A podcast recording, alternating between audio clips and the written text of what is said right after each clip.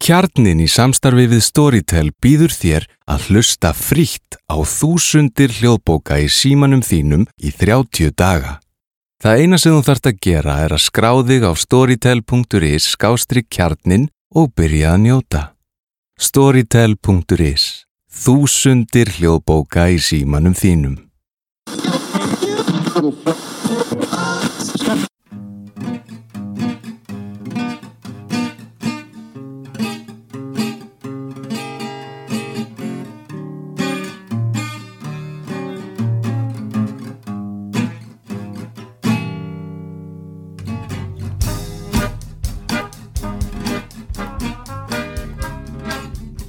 Velkomin í samtal við samfélagið hlaðvarp félagsfræðinar.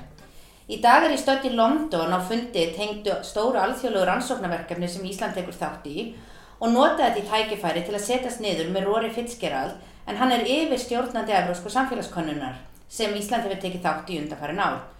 Rory er með doktorsprófi félagsfræði frá City háskólanum í London og eru helstu áhugasvið hans alþjóðlega kannanir með áherslu á spurningalista, fórprófanir og brottfall úr rannsóknum. Ég skipti núna yfir á ennsku. Welcome to our podcast, Rory, and thanks for having me here in the ESS headquarters. You're very welcome. Nice to meet you. Uh, I was just mentioning in my introduction that you're the director of the European Social Survey. Uh, to start off, maybe you can tell us a little bit about the survey, how and why it began, and what the main purpose is. Absolutely. So, in uh, before 2000, uh, there was a political scientist in Germany called uh, Professor Max Kaase, and he'd been running this project called Beliefs in Government, trying to compare attitudes towards government and trust across different countries in Europe. And every time he tried to do this, uh, he'd been thwarted uh, by differences in the methodology of the comparative projects that he was trying to use. So he decided that really to allow proper international comparisons, needed a much more harmonised uh, project. And so the idea for a European social survey uh, came, came from that, that, that difficulty of finding good comparative data. And so it was started on the basis that everything should be what's called input harmonised, that you should design the survey from the beginning to be comparable. So countries should do the interviewing in the same mode, face to face. The sampling should be tightly controlled using probability methods. Translation should be carefully done, not using back translation, but a committee approach. That the data should be uh, labelled and handled in the same way. So that harmonised approach was created to overcome those difficulties. That was the background to why it started. And then the first survey was fielded in 2002. Correct. Um, so we've now we're just about to enter the tenth round. Um, there is now over uh, 150,000 registered users of the data. Uh, about 486 of those in Iceland. That's more than in Slovakia or even Australia. Almost the same number as in Bulgaria. So quite a lot of users in Iceland. And that's one I think we always like to say in Iceland, we win everything per capita. Absolutely. And I This is think we not certainly overall. win the ESS per capita use. Absolutely. Um, most of the countries who take part are from the European Union. There are also countries um, outside of the EU that have taken part, including Norway uh, and Switzerland, Russia, Ukraine, Turkey, and of course Iceland. Um, about 15 countries have taken part in every round. Okay. Uh, over 30 have taken part in at least one round. Um, the, the numbers change because each round countries have had to, to gather the money to take part. So it's been a little bit tricky in that sense. And that's the main obstacle usually for participation is difficulties in finding funding, maybe particularly after the economic crash. Yeah, that has caused some problems, and also Europe's changed how it arranges its research infrastructures. So in 2013, we became what's called a European Research Infrastructure Consortium. So instead of just being a project in a university, the European Social Survey became an independent legal entity owned by different government ministries across Europe. Um, one of which is Iceland. They are a member of the European Social Survey, ERIC, so that's a good development. The survey itself is uh, has a lot of attitudinal questions in, so it was always felt by the original founders, the survey that that was something that was missing in Europe was good attitudinal data, what people think and feel about their lives, their communities, um, in addition to perhaps how they behave and act. So Um, do they fear crime as well as is there actual crime in their area? Um, do they feel that they trust their politicians? These kinds of topics are a, a key part of the Mm-hmm. survey. And the design is in a way that there is a core module that is always asked, and then there are rotating modules that Yeah. switch around. So the core, the core module has more or less stayed the same in every round, but it's been updated periodically to make sure it's up to date. But essentially, in most rounds, the same questions are asked, so you can look at change over time.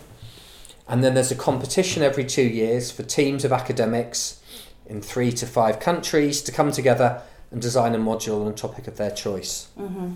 And these topics have included things like uh, attitudes towards immigration, um, health inequalities, uh, ageism, um, attitudes to climate change, democracy, and, and so on.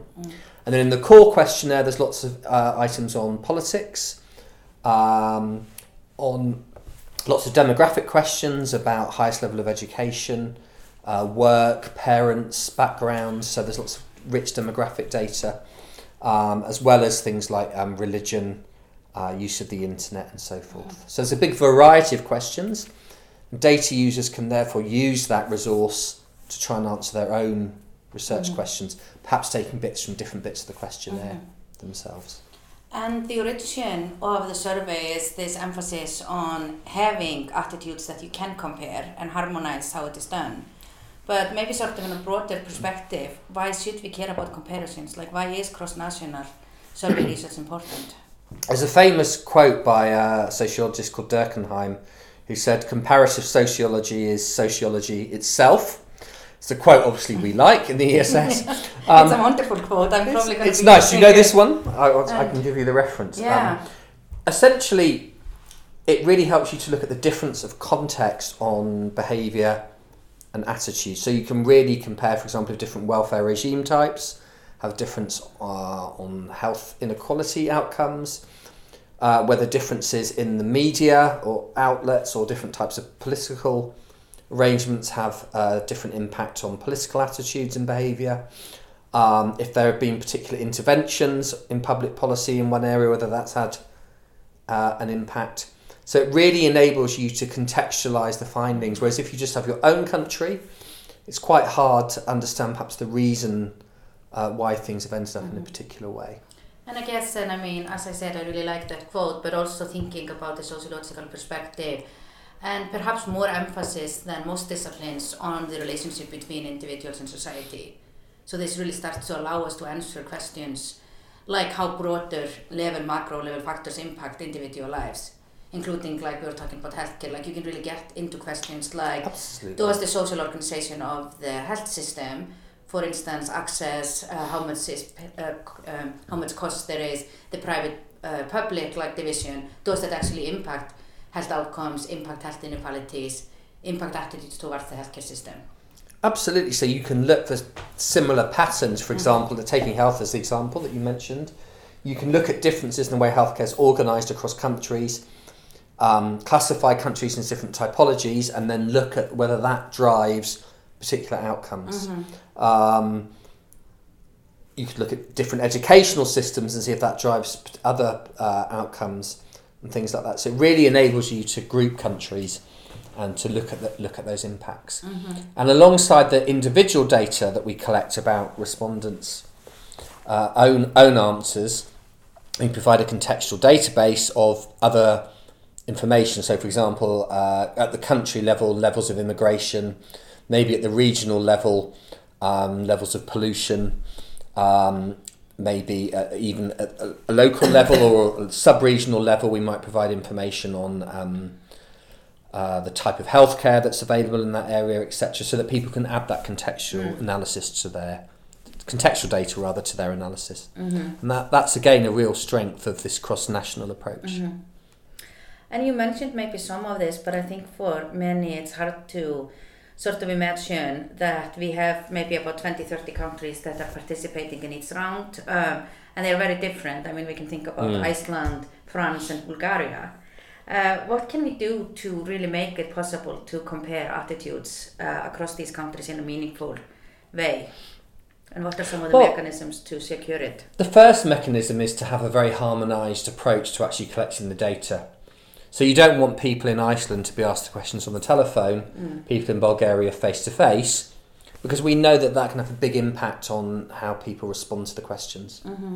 So one thing is to try and keep as much of the methodology the same or at least equivalent. Then there's the choice of the topics. You want to choose topics that are broadly relevant across all of the countries. Um, so you wouldn't want to ask people in um, Iceland perhaps lots of questions about using air conditioning, for example, for in the in the summer. Um, so you might want to think about the, the way in which you whether the questions are relevant. Then when you design the questions, you want to ensure there's lots of input from the different countries into the design, and that it's tested properly in a range of countries. And finally, um, then when it comes to the translation, you want to make sure it's done in a way which is um, equivalent uh, across the countries, and that you take great care to ensure that the meaning stays close to the, the agreed source questionnaire. Um, those are some of the ways in which you really can ensure um, that the data is, is pretty comparable. And also, you can do tests after the data's been collected to test the comparability. So, you could do structural equation modelling to look at the equivalence of the items across countries if, if there's a factor structure. Um, you could also look at the response rates uh, and also use you know weighting to correct for say differences in who's responded in different countries. There's a number of things you can do, um, all of which would be sort of recommended for the analyst to, to take care of. And you talk about the importance of having the same mode, that you don't want to have some countries to ask responding face to face and other on the telephone. So is it generally the case that if you ask me the same question, I would give you a different answer if you had me on the phone or if you're sitting in front of me? Depends on the topic. Mm-hmm. It depends on the structure of the question. So if it's a long, complicated question, that could be quite difficult to convey over the telephone. We know that if you give, say, a range of answers on the telephone, people are more likely to choose the last one because it can be difficult to remember them all. Um, whereas, of course, in a face-to-face interview, they often see the answers on a show card. So telephone would be the furthest from face-to-face. Um, so if you really had to combine modes, you'd be better off having face-to-face and say postal or online. They they would be closer. But there are also other differences. So if you have an interviewer present, you might be less willing to convey, for example, uh, un- unsociable behaviour or illegal behaviour, or or if there's something that's socially undesirable to say, you might be less likely to say it to an interviewer. So ideally, you want the mode to be the same to avoid those differences creeping in cross nationally. Yeah, we actually did uh, experiments of this uh, using the EVS in Iceland. Um, And the only real difference that we found in proportion was that people were much more likely to admit that they believed in reincarnation Yes. in a postal survey or in a web survey. So clearly there is something about saying to a person, another Icelander face to face, that you believe in reincarnation. That That's, was a- like, that's quite interesting because once we once found something quite the opposite for us, we thought it'd be the other way around. But people were more likely to admit that they'd crossed a red traffic light mm. when they shouldn't have done to an interviewer than they were online. And we wonder if maybe there's something about if you type it in yourself online, mm. Maybe people feel it can be more likely to be traced back to them. But we mm. just don't know. or they just kind of know that another person would know that you were lying. Yeah, that we've that we've all done it at least once. And as you know, and we've talked about quite a bit, then Iceland has struggled a bit in obtaining funding to participate in mm. ESS regularly, um, which is again really important. I mean, it's good to be able to participate in each round we can participate in, but I mean, it's like this, like to be always able to participate that is so important. Um, and maybe just asking you here, uh, if you were to make the case of why it's important for us to participate in general, and maybe particularly in every round, uh, what would your argument be? Okay, so Iceland's only taken part in three rounds so far, and is now taking part in the fourth round for round nine. So that will be four out of the nine. Um, one of the things we found is that if countries don't take part in every round, they're less likely to be included in the analysis because people often want to look at what's happened over a longer period of time. So your data is more likely to be used if you're in every round. Um, also, sometimes people pull multiple rounds of data. So if you're not in every round, again, they're less likely to lose that, to use that rather. Um, if you're in every round, you build up more of a uh, regular user base, so you get more of a return um, from the data. So essentially, the main reason to have consistent participation is you get a bigger return in terms of people actually Mm-hmm. using the data. Um, And assuming you also learn more about your own society. I mean, I do think about it now, for instance, um, using ESS, what a treasure I would have as a social scientist and what policymakers would have, what society would have if Iceland had participated and we could monitor attitudes over now close to 20 year period. Yeah, absolutely. So, for example, if you take uh, Austria, they've used, um, they've been in every round uh, of the ESS, ESS so far, and their government have actually used the data for monitoring uh, attitudes towards uh, migration, for example. yeah. Uh, and they're able to do that because it's a regular source of data and they can rely on it. Whereas if it's people dipping in and out, it's obviously you know f- far less useful in a sense. So we hope you know Iceland's been in the last two rounds. Um, we hope that now Iceland's a member, they'll be continue to be in in many rounds to come. Yeah, and I think uh, another argument, and we talked about that. I mean, I'm somewhat fascinated by how many Icelanders are actually using the data compared to, and that we are winning nations like Australian users. Uh, but so obviously, it's a great resource for. Uh, uh, social scientists in Iceland, but I think also, as you mentioned here, that I often think people don't realize is when we participate in these international surveys, scientists all over the world are using our data. So there is, you know, a person in Germany who may be writing a paper about climate change, and they will produce findings about Iceland Absolutely. just because it's in the data. Absolutely. Uh, In fact, the fifth highest country of use is actually uh, the ESS is the USA. Um, so there's over 150,000 registered users of the ESS data so far. Um, the highest user countries are Germany, UK, Belgium, Netherlands, Spain, and then the USA. So clearly, it is being used all around the world. It's also being used in Russia, as we mentioned before, in um, in Australia, in China, uh, Korea, Philippines, and there's even a user in um, Vatican City. Oh, really? Yeah, I which is I think it's one or two. It definitely was one. Um, maybe even two. I mean, Egypt. There's even someone in Egypt, Venezuela. I mean, it's being used all over the world. So absolutely. And also, more recently, we've been trying to build some uh, links with high quality surveys outside of Europe. So they won't be members of the ESS, but they'll be more like related studies. So ESS questions have been asked in South Africa, and uh, as we speak, are being asked in in Australia. So that's also a sort of an exciting development for the for the future. And I think it's very natural for us to always think about research and the importance there. Uh, but I'm speaking for myself, and I think many others. I mean, I also use it quite a bit in teaching. Yeah. So the highest group of users of the ESS data are actually students. Yeah. Um, so taking that 150,000, just over 150,000 registered users of the data, but 80% of them are actually uh, students. Yeah. So it's very high. Um, there are also users outside of academia. Um, so we have private individuals, people in government, people in private enterprise, and journalists. So there's over 500 journalists, for example, who've directly Yeah. accessed ESS data. Yeah, and I mean, we've noticed that then I've uh, written a couple of sort of short pieces and sent to newspapers, and I mean, Okay. they're always very interested in um, in getting those. Um, and I think the European context is generally very appealing to not exactly as we were talking about earlier, not only being able to say this is how Icelanders feel, but how we compare to other Europeans. Are there particular uh, countries in the region uh, of Iceland that, that people are interested in comparisons to, say Denmark or Norway or Sweden, or is it more just more general? I think it's both. Um, I mean, I think there is a general interest, but I mean, I think when you really look towards what interests us most, it tends to be the other Nordic countries. And particularly often trying to understand if we are very different from them. And I obviously think also when you're speaking to policymakers or if they are considering this, they're most likely to be looking to the Nordic countries. Okay.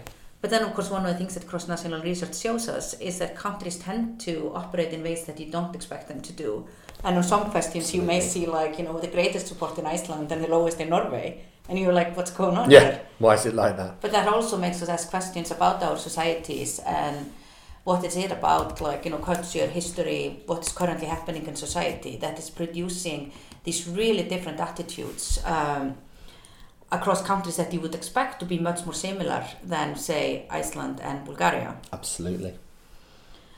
And there is a big birthday coming up, or as I learned this uh, week, um, sort of a series of birthdays for the ESS as Yeah. it's approaching uh, 20 years. Um, if you sort of think about just personally, uh, what do you think are some of the most important findings that the ESS has produced?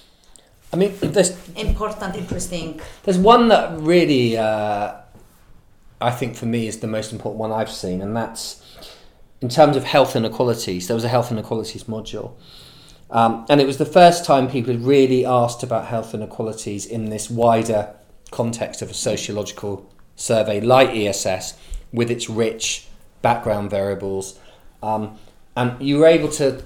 The analysts of that module were able to see what were the real drivers of health inequalities. Was it um, uh, was it sort of behaviour in terms of bad behaviour, you know, not doing exercise or smoking too much, um, or was it the healthcare system, um, or was it the um, sort of social fabric of the country? And it turned out that the latter was actually a particularly important driver. I think had often been underestimated. So whether people are living in poverty, but also particularly their housing quality and conditions, uh, were found to be a really key driver of health inequalities, perhaps uh, in some countries more important than behavioural characteristics. So that was a particularly interesting uh, finding for me. Another one has been um, watching, in a sense, on quite a lot of measures, East former communist countries in a sense sort of catching up with with Western Europe. Not on all all measures, but on, on some, certainly in terms of trust um, um, and and happiness and things like that. You've seen a, a marked improvement uh, in in quite a lot of those countries, getting closer to the sorts of things you see in uh, Western Europe. Um, and I think one other thing, I did some piece of my own research. So we looked at combined waves and looked at people who'd emigrated from Eastern Europe to Western Europe and how long it was until their attitudes towards um, homosexuals were the same as those in Western Europe. Because obviously, Eastern Europe's much more homophobic traditionally than Western Europe. And we found it took about 20 years um, until their attitudes would be about the same. But the thing about ESS is because there's so many topics, everyone in a sense will probably find a different thing that was the most interesting to them. But tho- those are some of mine.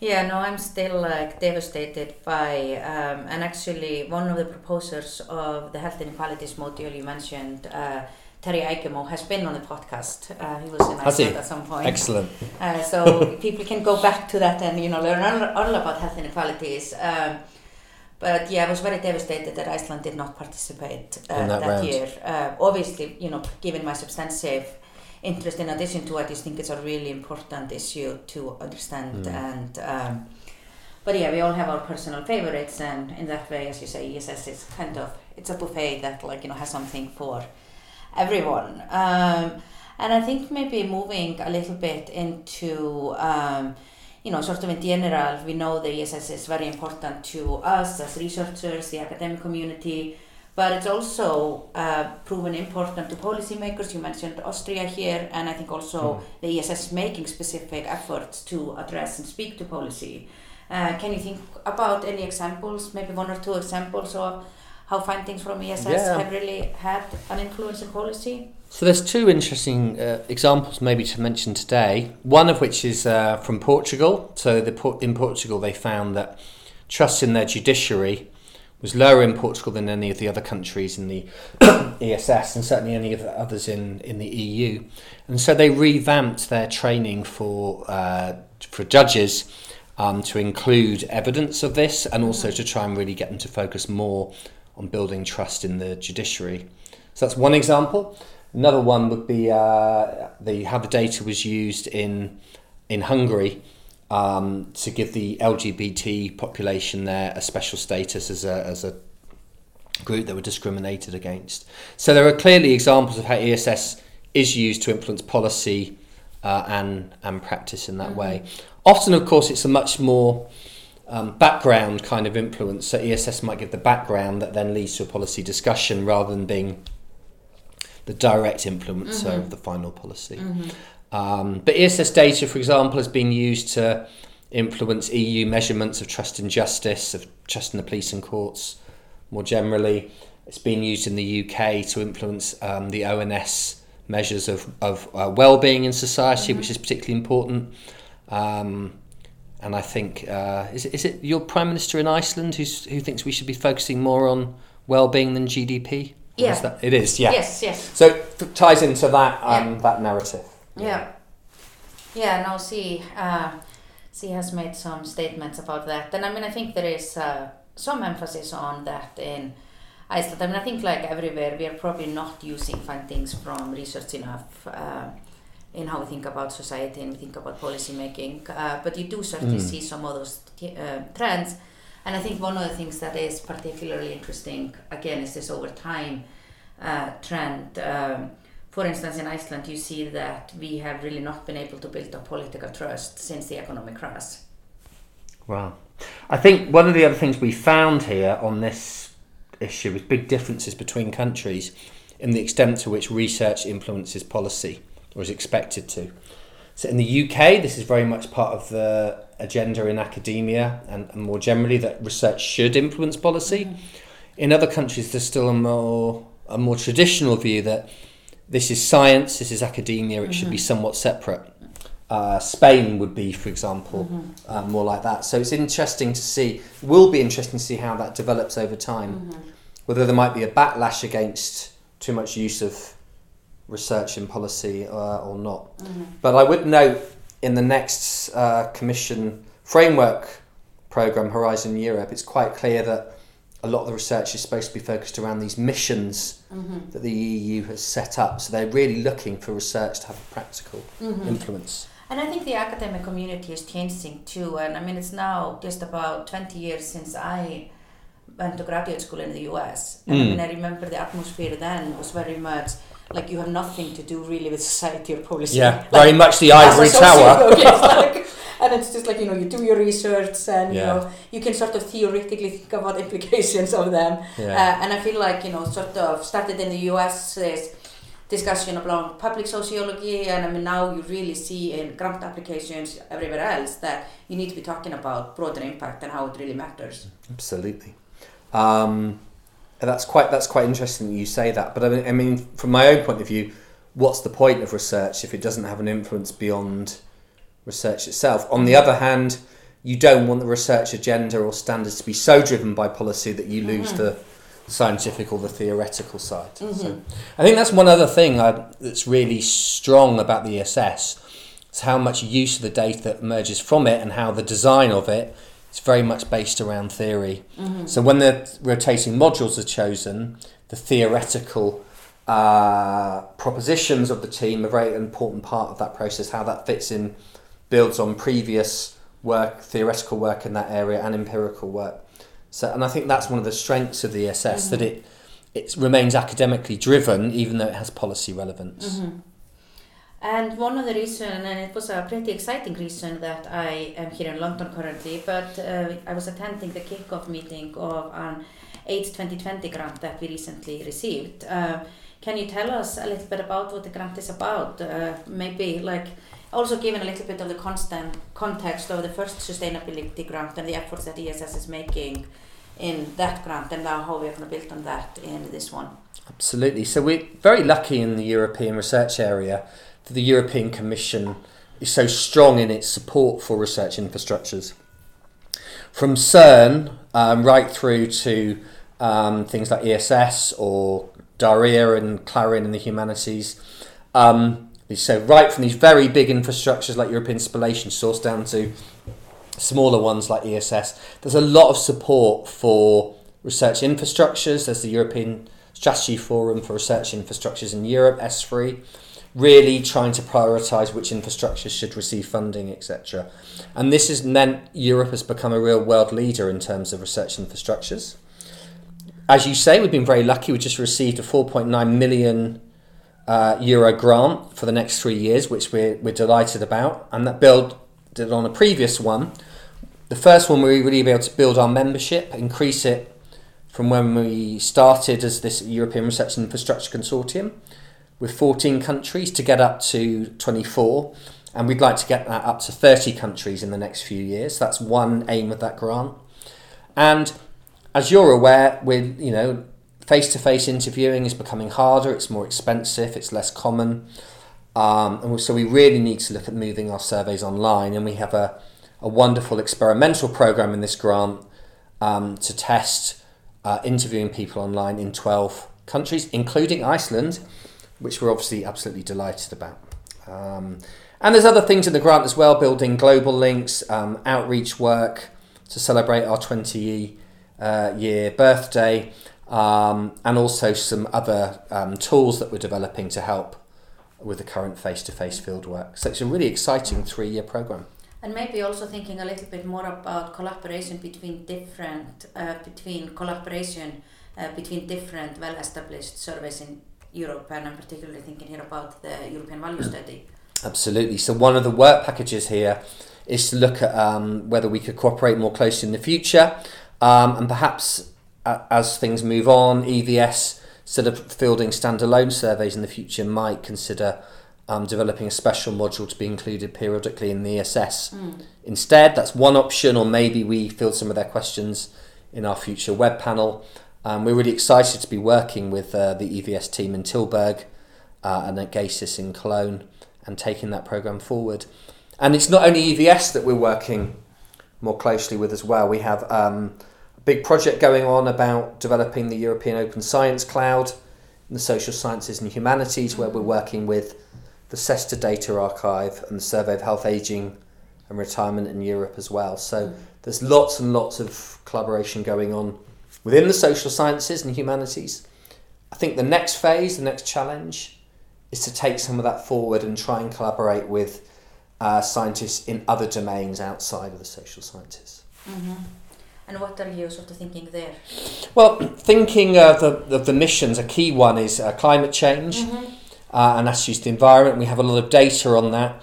Any solution to climate change is not only going to involve science and governments, but necessarily is going to involve uh, people believing in climate change, feeling that they can do something about climate change, um, feeling that other people are going to do something about climate change, and buying into that agenda. So it's essential, really, for climate change scientists to work with social scientists on ensuring that those messages are, are understood and monitoring um, how that changes over time. Yeah, one of the most recent uh, modules of the ESS was attitudes towards climate change. Um, what were sort of the most important findings from that one? I think for me the most important, or perhaps worrying finding, um, was that people feel a bit helpless. They feel mm-hmm. there's no point in them doing anything because they don't think other people will do anything. And I think that for me is at the heart of what needs to be done in terms of addressing climate change is to give people a sense of empowerment uh, and collectivism around addressing this together. Because, of course, if you think really, there's no point even all of Iceland doing anything mm-hmm. because everyone in China is yeah. going to carry on as they are now, then eventually everyone will just give up and and we'll end up in, in a real crisis. So mm-hmm. I would say addressing that issue with public opinion really is important. That, of course, is an example where only measuring attitudes in Europe probably isn't enough. Yeah. And we need more of these global mm-hmm. comparisons going forward. And uh, I think we've addressed some of those, obviously, but just sort of thinking through what do you see as the major challenges that survey research is facing in general, and maybe particularly across national research? I think the main challenges in this regard are to do with the mode of data collection. So face to face is becoming more expensive. There are less face to face data collection providers because most commercial research is now being done online. Um, and so we face a real challenge in Europe in the next few years where some countries may have no providers who are able to meet the ESS mm-hmm. specification. We're talking particularly about uh, richer northern European countries, maybe like Norway or um, the Netherlands, where mm-hmm. there's a, perhaps a real crisis there. Yet in other countries, the proportion of people who are online is still too low. Um, so we're going to have to at some point face the fact that probably there's going to have to be a phase where we try to move as much of the data collection online as possible, but complement it with another mode. Mm-hmm. And this is going to be a big change in our field. It could affect the time series that we've built up. Um, it's something that's likely to change over time and it's going to re- require imagination, um, a bit of sense of risk taking, um, and working collaboratively in the field. So we currently have an application in for a new design study to look at the possibility of building a probability based online first panel for the whole of the EU and perhaps some other countries like Iceland. Mm. Um, we find out in April if that's been funded for that mm. design study. Fingers crossed. That's very exciting. And maybe just to conclude, uh, what do you see as the future of survey research?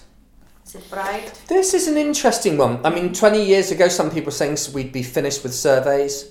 There's new forms of data. Um, there are new forms of data. It's they're playing an increasing role, particularly maybe replacing some surveys that were to do with behavioural elements. So a travel survey in London, I mean, you still need that when effectively everyone has Oyster cards uh, or you have other ways of measuring travel behaviour. Um, you know, through the gating system. Perhaps you don't need surveys in the same way. On the other hand, in terms of sort of attitudinal uh, research and really think about how people think and feel about their societies, I can't see any reasonable alternatives to surveys. And in fact, um, to some extent, people are almost inundated with surveys these days. Mm. Um, so I think there's a bright future, but I think it's going to become more niche, perhaps a bit more focused around those behavioural elements and also particularly um, efforts to track individuals over time. Panel surveys, cohort studies, I think perhaps mm-hmm. are, are more of the future mm-hmm. than individual one off cross sectional surveys. Mm-hmm. But we have to wait and see mm-hmm. what happens. As for comparative surveys, I think there's going to be a big growth in that area, particularly when we look at um, increasing globalization and the need for global comparisons. And there, I mean, it's going to be a very, very long time before some forms of big data would be able to replace the specificity specificity, I can't even say it, the very specific nature of being able to design a survey to answer a research question. Mm-hmm. Um, just give you an example, even in Europe, people often talk about using admin data to replace surveys. When you want to make comparisons, of course, one of the difficulties is the admin data structure is often so different yeah. between countries, you mm-hmm. just can't make those comparisons. Mm-hmm. So the future is bright, and uh, I'm excited about. Uh, you know, I think surveys are probably going to be an important part of at least my lifetime. And um, yeah, and I think it's very interest, exciting that Iceland is sort of hopefully on the way of being like a permanent partner that will mm. always participate in the ESS. And just sort of thinking about the treasure for social sciences and society in general in 10, 20, 30 years when we really will start having those monitoring of attitudes over time. Absolutely. It is that time series that's important. I mean, as for the the prognosis for Iceland. I mean, Iceland is a member, so it's legally, of course, required now to be in the mm-hmm. next rounds. Yeah. Um, this is this whole thing about the European Union developing these this ERIC structure. So um, hopefully, I mean, off, I we know that lots of countries struggle to take part, but I'm I'm confident that, that Iceland will will make it, and we're really excited that you're in the panel. Yeah, no, for this web panel, and I think that in obviously in Iceland one of the difficulties of doing something like the ESS is if our fieldwork's over the winter. I mean, doing face to face fieldwork in Iceland in mm. November, December, January is probably not so easy. It's well, in particular, not this winter. We are actually expecting a big storm tomorrow, uh, so I'm hoping our plane. we'll get back in time before the storm. before, like, they're deciding yeah. between an orange warning and a red warning. So. Oh really? So is the airport often closed because of that? The airport is closed tomorrow, but we are scheduled to, to get back be there before the storm. Uh, well, thank you so much for having me here, and this was a great meeting. It's a very exciting project, and you know, it feels very special to be here in the ESS headquarters. Okay. You're very welcome. Nice to meet you. Thank you. Bye bye. Kjarnin í samstarfi við Storytel býður þér að hlusta frítt á þúsundir hljóðbóka í símanum þínum í 30 daga. Það eina sem þú þarfst að gera er að skráðig á storytel.is skástri kjarnin og byrja að njóta. Storytel.is Þúsundir hljóðbóka í símanum þínum.